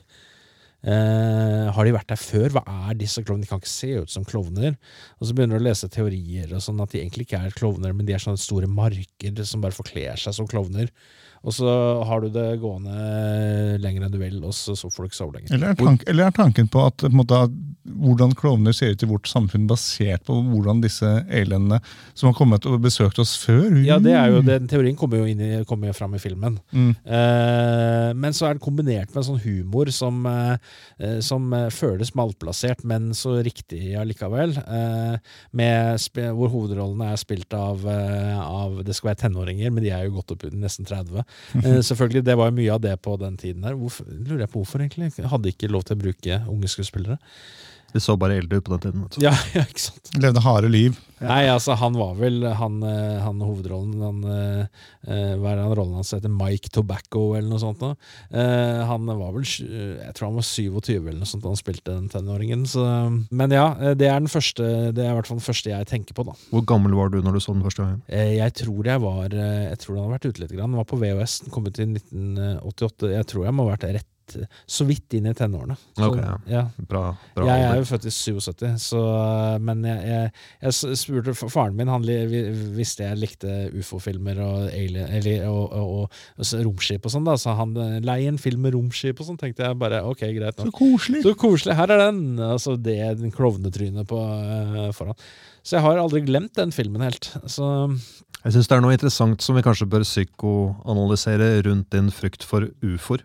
Ja. For der har du på en måte det symbolet for møte med fremmede sivilisasjoner, og hvor fantastisk det kan være, og du velger å se på det som det skumleste i verden. ja Jeg vet ikke helt hva det betyr, altså. Ja, altså til og med den, eh, den der nærkontakt av tredje grad eh, av Steven Spielberg, den skal jo være litt sånn oppløftende, da. Og den er jo det. Det er en Ja. veldig optimistisk, Ble blåøyd, naiv film, liksom. Helt livredd. Og eh, Spielberg har jo sagt at han aldri ville lagd den filmen i dag. Fordi at det er han eh, hovedrollen Den går jo vekk fra familien sin og alt mulig. Ditcher alt annet. Familie Som og barn faren og hans alt gjorde. mulig. Men det, var Ja, som moren hans, unnskyld, gjorde. han var ung da. Og eh, Nei, det, det, jeg ble redd på en måte som ikke andre ble, da. nødvendigvis. Så av den Men nå så har jeg sett den igjen, og den er jo mye eldre. Men ja, det var i hvert fall Killer Clowns from Outer Space er mitt første valg, da. Jeg får ta en terapisession for å komme litt grundigere til verks for hva, hva som skjuler seg bak dette her. Det er noen interessante greier her sånn rundt dette her. Enig. enig. Mm. Min eh, en måte, tydeligste skrekkopplevelse var en film jeg så under ideelle forhold. Eh, Den filmen eh, heter The Descent, og og sikkert ikke alle som syns det er verdens skumleste film. Eh, Men jeg så den Den er fra 2005. Jeg så den Fanget i en hule på mobilen. skulle tro Nei, jeg så den alene hjemme, med liksom ulende vind ute. Det var ganske kjølig. Jeg så den helt i mørket, i et knirkende hus. Og var på en, i i en merkelig mindspace. Og denne filmen handler jo kort fortalt om en sporty jentegjeng som skal dra til Skottland for å drive på med cavediving, eh, og ender opp med å på en måte komme langt ned i et komplekst nettverk av huler. De blir jo litt intriger nedi der, det begynner å rakne litt for dem, de roter seg bort. Og etter hvert så dukker det opp noen menneskelignende, ekstremt creepy skapninger. Bleke, blinde skapninger der nede. Som begynner å jakte på dem. og Det, liksom, det blir jo komplett kaos og blod og gørr og galskap. Og selvfølgelig så er det veldig klaustrofobisk. Og det er jo store juv du kan falle nå. Jeg har en god del høydeskrekk, så det, det spilte inn. Og så er det en utrolig, utrolig mørk slutt. Jeg skal ikke si helt uh, hva som skjer. Uh, og det er sikkert ikke alle som syns den er like skummel som meg, men den gjorde et sterkt inntrykk på meg pga. omstendighetene. Og så er det, på slutten så er det sånn Man tror å, det her skal gå bra, men så gjør det ikke det. Men jeg leste også en sånn interessant fun fact er at det her ble jo testet, denne filmen ble testa på et amerikansk prøvepublikum, hvor de reagerte veldig negativt på at det ikke gikk bra til slutt. Så da måtte de lage en egen amerikansk avslutning. som Da gikk det bra likevel. Og jeg vil ha at det skal være mørkt og grusomt og jævlig, og det får man heldigvis i denne filmen. Det her med horrorfilmer nå om dagen, eh, det er, jeg, er så, jeg er drittlei av det. Mm. Det er det at eh, du skal ha en twist på slutten. At det ikke gikk bra likevel. Eh, Men det, er- det er jeg så lei av, for det er så vanlig at twisten ville vært at det gikk bra. ja, ja. Og jeg har ikke noe mot at det kan gå bra, men det, måtte, Det er jo ikke en ny film, så Nei. den er ikke helt på den rullen, men ja. Jeg intervjuet regissør eh, Neil, Marshall, Neil Marshall mm -hmm. eh, når det gjaldt uh, The Descent. Og etter det jeg skjønner, så jeg vet ikke om vi, vi kan spoile en 20 år gammel film. kan vi ikke det? Ja, ja. Ja, ja. Eh, hvor det da finnes to versjoner av filmen, hvor det ene er uh, du er dømt til å dø alene i en mørk hule omgitt av uh, deformerte uh, blinde monstre. Yep. Eller den amerikanske versjonen hvor du klarer å stikke av. Mm. Eh, men den amerikanske utgaven er bare en forkorta versjon. De har bare snippet bort den kjipe delen av slutten, så jeg tror ikke de filmet noe nytt. Det, de Nei, rett og slett bare valgte å avslutte historien på et tidligere tidspunkt hvor det ser ut som alt egentlig går bra. Ja. Mens den britiske og europeiske versjonen forteller hva som egentlig skjedde. At hun klarer å rømme ut av hulen og kjøre i trygghet, er egentlig da bare en febervisjon i det splintrede sinnet hennes. For hun har drevet så gal av alle redslene at hun har bare klikka helt. Mens monstrene strømmer på. slutt. Der har du jo eh, en, en morsom ting med Descent. er jo Det er en av inspirasjonskildene til dette, dette spillet som har kommet ut nå nylig. Sons of the Forest. Er det det? Ja. Det og Cannibal Holocaust, for så vidt. Jeg syns eh, det skumleste i The Descent er ikke monstrene eller noe av det som skjer der, men Ja. det er senere når folk setter seg, prøver å komme seg ut av hulene og ender opp å bli fanget i et ras. Den der Ja. klaustrofobiske Ja, eh, følelsen som de også treffer litt grann i en found footage-film som heter As above, above so yeah. below. Som Som egentlig ikke er en spesielt skummel film, men det er noen scener der sånn hvor det har noen som er festet, eller som klarer å bli fanget i en hul og filmer seg selv mens de har et panikkattakk, som er utrolig effektiv. Er det den som er satt under Paris? Resten av filmen er ikke spesielt skummel, men akkurat det øyeblikket er skikkelig creepy. Ja. det har Katakomber, da, eller? For det er en skuespiller som får ut panikkanfall, ser det ut til, liksom, som bare filmer seg selv med et mobilkamera. Jeg så traileren fra den. Jeg har ikke sett den selv, jeg så traileren fra den, og så, så jeg, husker jeg plakaten av den. Men filmen, første filmen som fikk lov til å spille inn scener i katakombene i, i Paris, som er et ganske spennende sted å sette en, Ja, en film. Espen, har du en til? Jeg har egentlig to filmer til. Første eh, må jeg bare nevne kjapt er Hereditary, som- er den et, tilhører et begrep som ikke jeg er egentlig noe fan av. Hvor de snakker om opphøyd skrekk, som er på en måte blitt en så klisjé at gjorde narr av det i den siste Scream-filmen. Men jeg syns det er en oppriktig ubehagelig, scary fucking uh, film. Med noen veldig James veldig Wan? effektive scener. Nei, det er Ari Aster. Eh, jeg ikke, har du ikke sett Hereditary? Nei, jeg har ikke fått Ikke jeg heller. Jeg har, lyst, jeg har lenge Oh, tenkt shit, Da må dere absolutt uh, se den. Men den bør absolutt oppleves i mørket eller på en stor kinosal. Mhm. Opprinnelig så trodde jeg at det var en historie om en dame som mister det mentale fotfestet og ikke lenger kan stole på virkeligheten sin. Den tar en avstikker inn i et annet Jeg har ikke lyst til å spoile den, for den er en litt nyere film. Men den syns jeg er oppriktig fucking ubehagelig. Varmt anbefalt. Det er rart du ikke har sett den. Nei, jeg, den har vært på listen min, Nei, ok. listen min også lenge, så Mm, Samme. Og den andre er en fransk film som heter Martyrs. Som igjen spiller litt inn på den religiøse. Som har no, de verste torturscenene noensinne festet til, eh, til film. Men den har en sånn klar mening med de scenene. Den er ekstremt voldsom.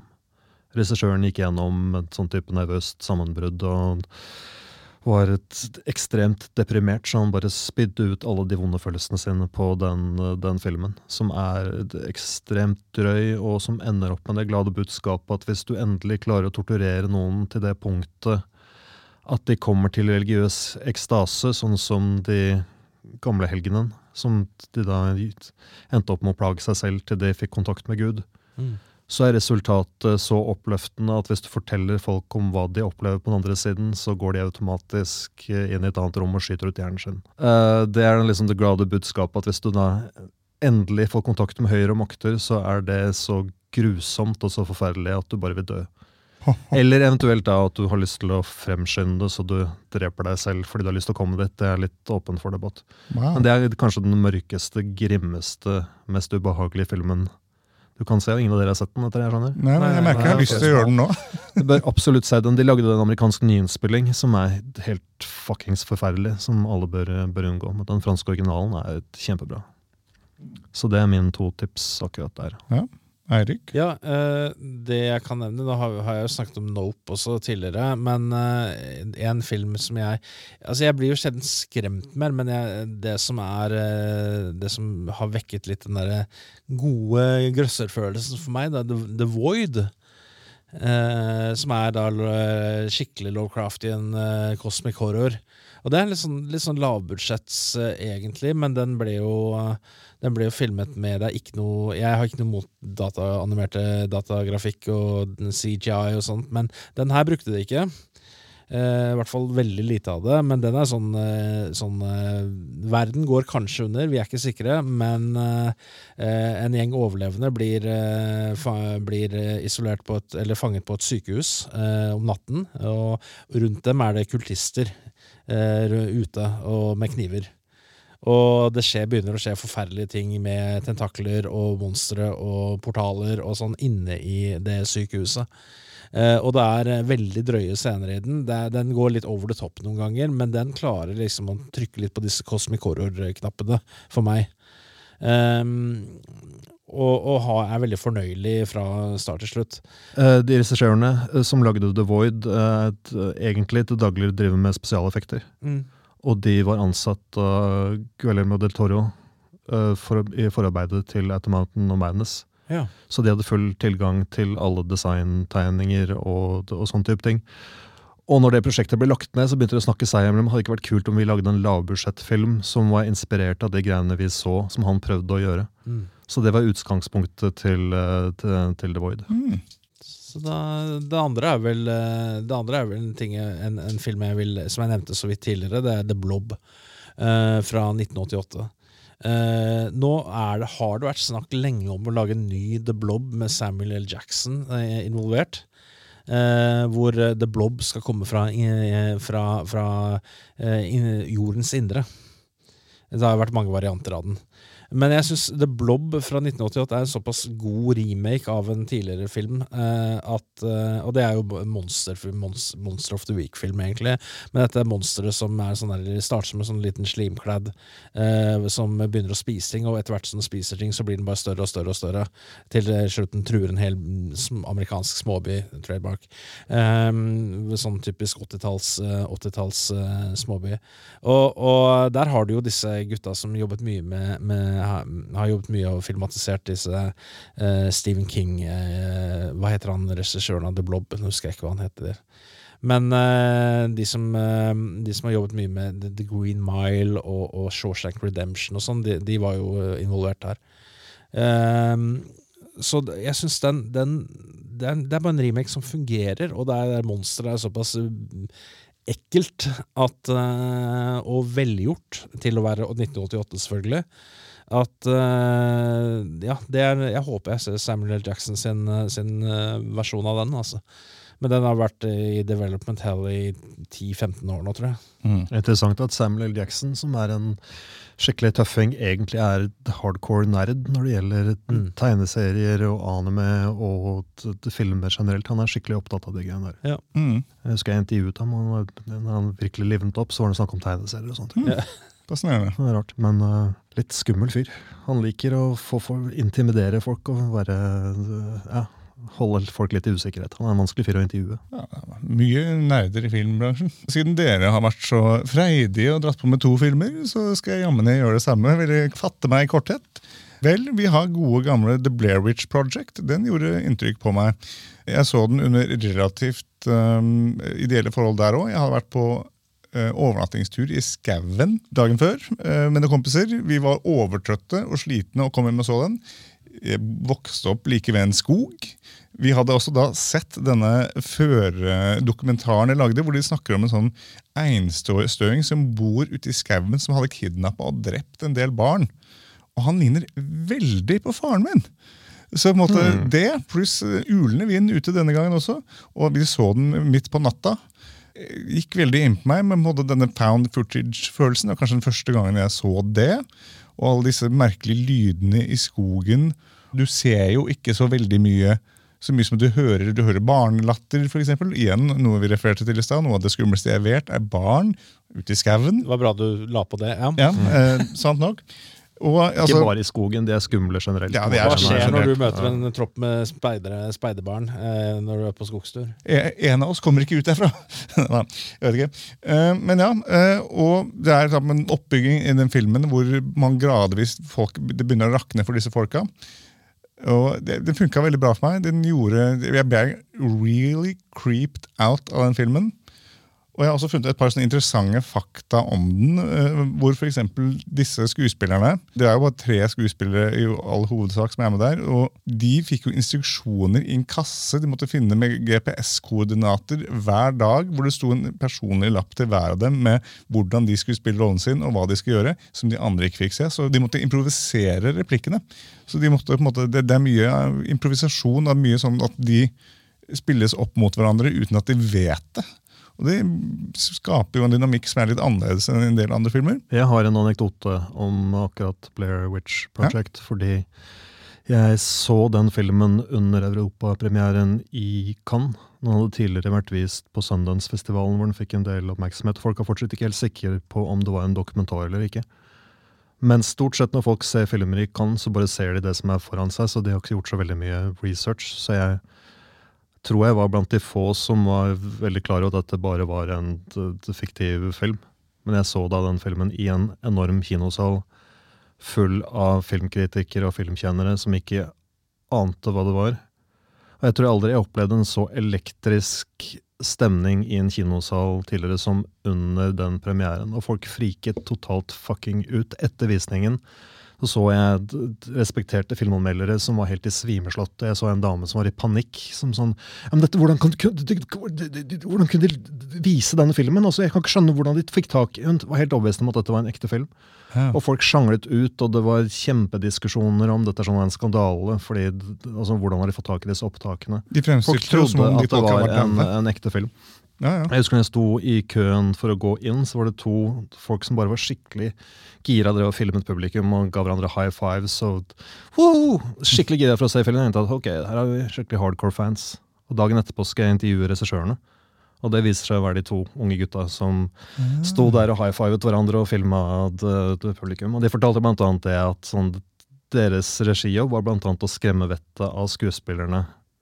Så de krøp rundt i skogen sånn når ikke de visste at de var der, og lagde lyder og spilte lydbånd og ristet i teltene deres og sånn type ting. Så disse skuespillerne ble holdt i panikk bevisst. Altså De ble skremt med viten og vilje av regissøren for å få fram hvordan de spilte. liksom. Det passer veldig bra i forhold til det jeg fant av informasjon om eh, castingprosessen. For der sto det en annonse de slapp løs at eh, an improvised feature film shot in wooded location. It's going to be hell, and most of you reading this probably shouldn't come. Første skuespillerne ble spurt om idet de kom inn til castingrommet, var Du har vært i fengsel i ni år. Vi er på en måte prøveløslatelsesjuryen. Forklar for oss hvorfor vi skal slippe deg fri.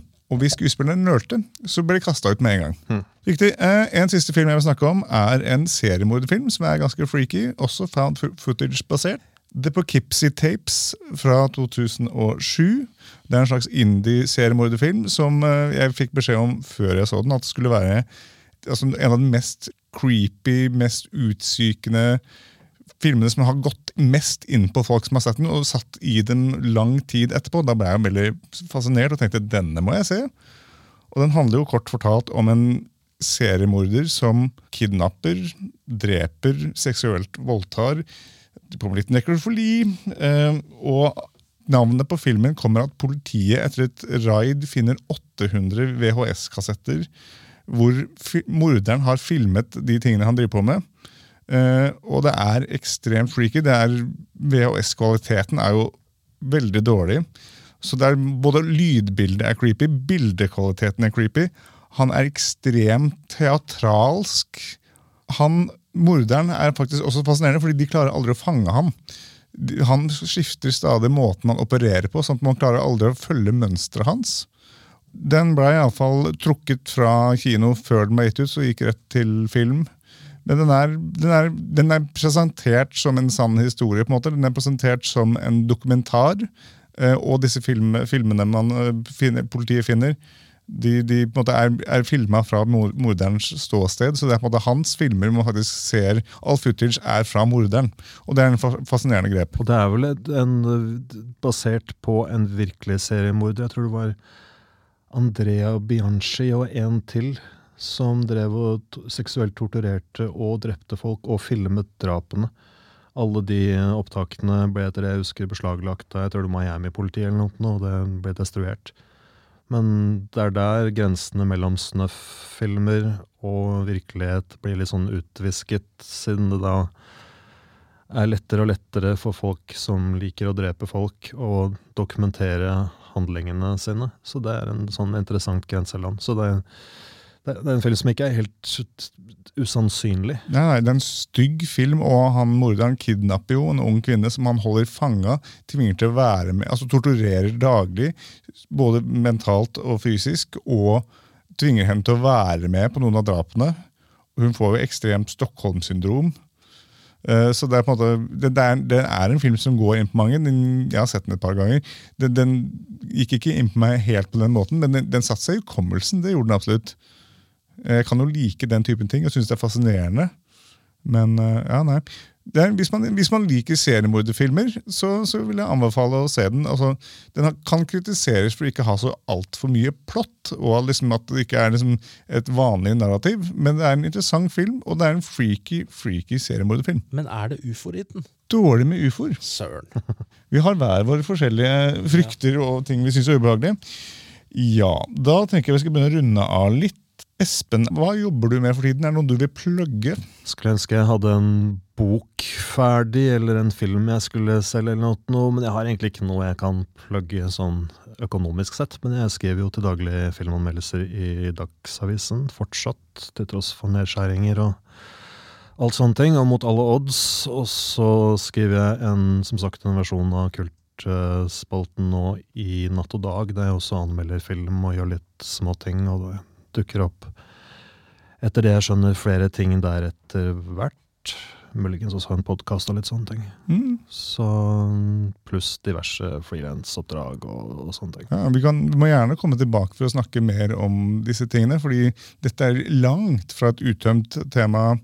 Eh, Det er masse mer filmer vi kunne snakka om i dag, men tid er nødvendigvis en faktor, og vi kan jo gjøre det flere ganger. Eirik, Ja. du har nylig sett en liten film du vil snakke litt grann om Ja, helt på tampen. ja. Det er så vidt jeg får lov til å snakke om det også. Anmeldelsen kommer jo eh, 28. eh, mars. Eh, Jeg så Dungeons and Dragons eh, nå nylig. Og det er jo ikke akkurat en skummel film, da, men den er eh, for meg som har eh, spilt, er nerd nok til å ha spilt Dungeons and Dragons i, eh, eh, siden jeg var tolv, eh, så sånn litt av og på, eh, så mm, traff denne filmen eh, Det er en actionkomedie, fantasy actionkomedie. Den traff innertier på hva den prøver å få til. Det var eh, det er Chris Pine og en en veldig kul gjeng skuespillere. Der eh, tar seg ikke seriøst i det hele tatt. Og etter tre Dungeons, minst tre Dungeons and Dragons-baserte filmer som opp igjennom som har vært den ene mer mislykka enn den andre, så kom man til denne her, og jeg hadde ikke så veldig høyt håp, men fy søren, den var bra. Vi skal snakke litt mer om Dungeons and Dragons senere i, i en annen episode. Neste går nærmere, episode, til og neste episode, ja, til og med. Når vi går nærmere inn på denne filmen her og disse andre filmatiseringene jeg har nevnt. Fantasy som ikke prøver å være Lord of the Rings, så eh, eh, men har drager og har uh, troll og orker og sverd og økser og har veldig glimt i øyet. Da skal man se denne. Så bra, Da skal vi snakke mer om det neste gang. Det blir Ja. interessant. Ja. Og, og sannsynligvis herlig nerdy. Det blir nerdy. Det blir nerdy. Da skal vi eh, da kommer vi til å ha en gjest fra den nær, mest nerdete butikken som finnes. Så skal vi snakke mer om den neste. Ja. Jeg skal komme med en liten, ah, på en, måte, en liten personlig innrømmelse før, jeg, før vi legger på røret. og det er at Jeg egentlig på en plan i dag, siden vi skulle snakke om skrekkfilm, hadde litt lyst å snakke og prøve å trekke inn et eller annet med en gnu. For da kunne jeg kalt episoden 'Skrekk og gnu'. Men det, det jeg ikke nå har du gjort det. Hei! Nå har du gjort det. Så skrekk og gnu. Er det det den skal hete? Vi får se! Vi får se Hey, hva pappahumor. Jeg skjønner ikke hva han mener. Nei, Jeg er jeg ikke far engang. La oss bare bruke litt mer tid på å si, mener. hvorfor eh, den bør hete Skrekk og gnu. da. ja, ja, ja. Ja, kan Halvtime halv- til om gnu Ja, nå. Halvtime er Halvtimen om pappavitser og Ja, ja, teite okay, ordspill. greit. Kom igjen, nå. greit. Eh, anyways, eh, tusen takk for at dere ble med i dag. Uh, tusen takk for at du kom, Espen. Bare hyggelig. Gjerne kom tilbake og snakk mer om kult film og skrekk. Jeg har hørt det før. Jeg har sånn déjà vu-følelse av at vi, Jeg vet ikke hva det kommer av. det- Ingenting med at vi har spilt inn en, en podkast med min, mitt andre og tidligere podkastprosjekt Full ape. Nei, nei, Nei, ikke i det hele tatt. Nei. Ikke en som ligger på hylla som ikke har blitt sluppet ut. Nei, nei, nei. Bare en déjà vu-følelse jeg fikk. Ja, ok, Ingenting med det. Ja, Nei. fint. Ok, tusen takk for i dag. Farvel, og takk for at dere lytta. Ha det bra. Følg oss på Facebook. Der heter vi Filmmagasinet. Filmmagasinet.no på Instagram, og på Twitter er det at Filmmagasinet. Med oss i studio har vi Lilla Lyd, som styrer lyd og teknikk. Introvinetten er laget av Francesco Hygen Pudo. Tusen takk til Bauer Media for godt samarbeid og utlån av studio. Ansvarlig redaktør for Filmmagasinet er Eirik Bull, og mitt navn er Tor Aaberg.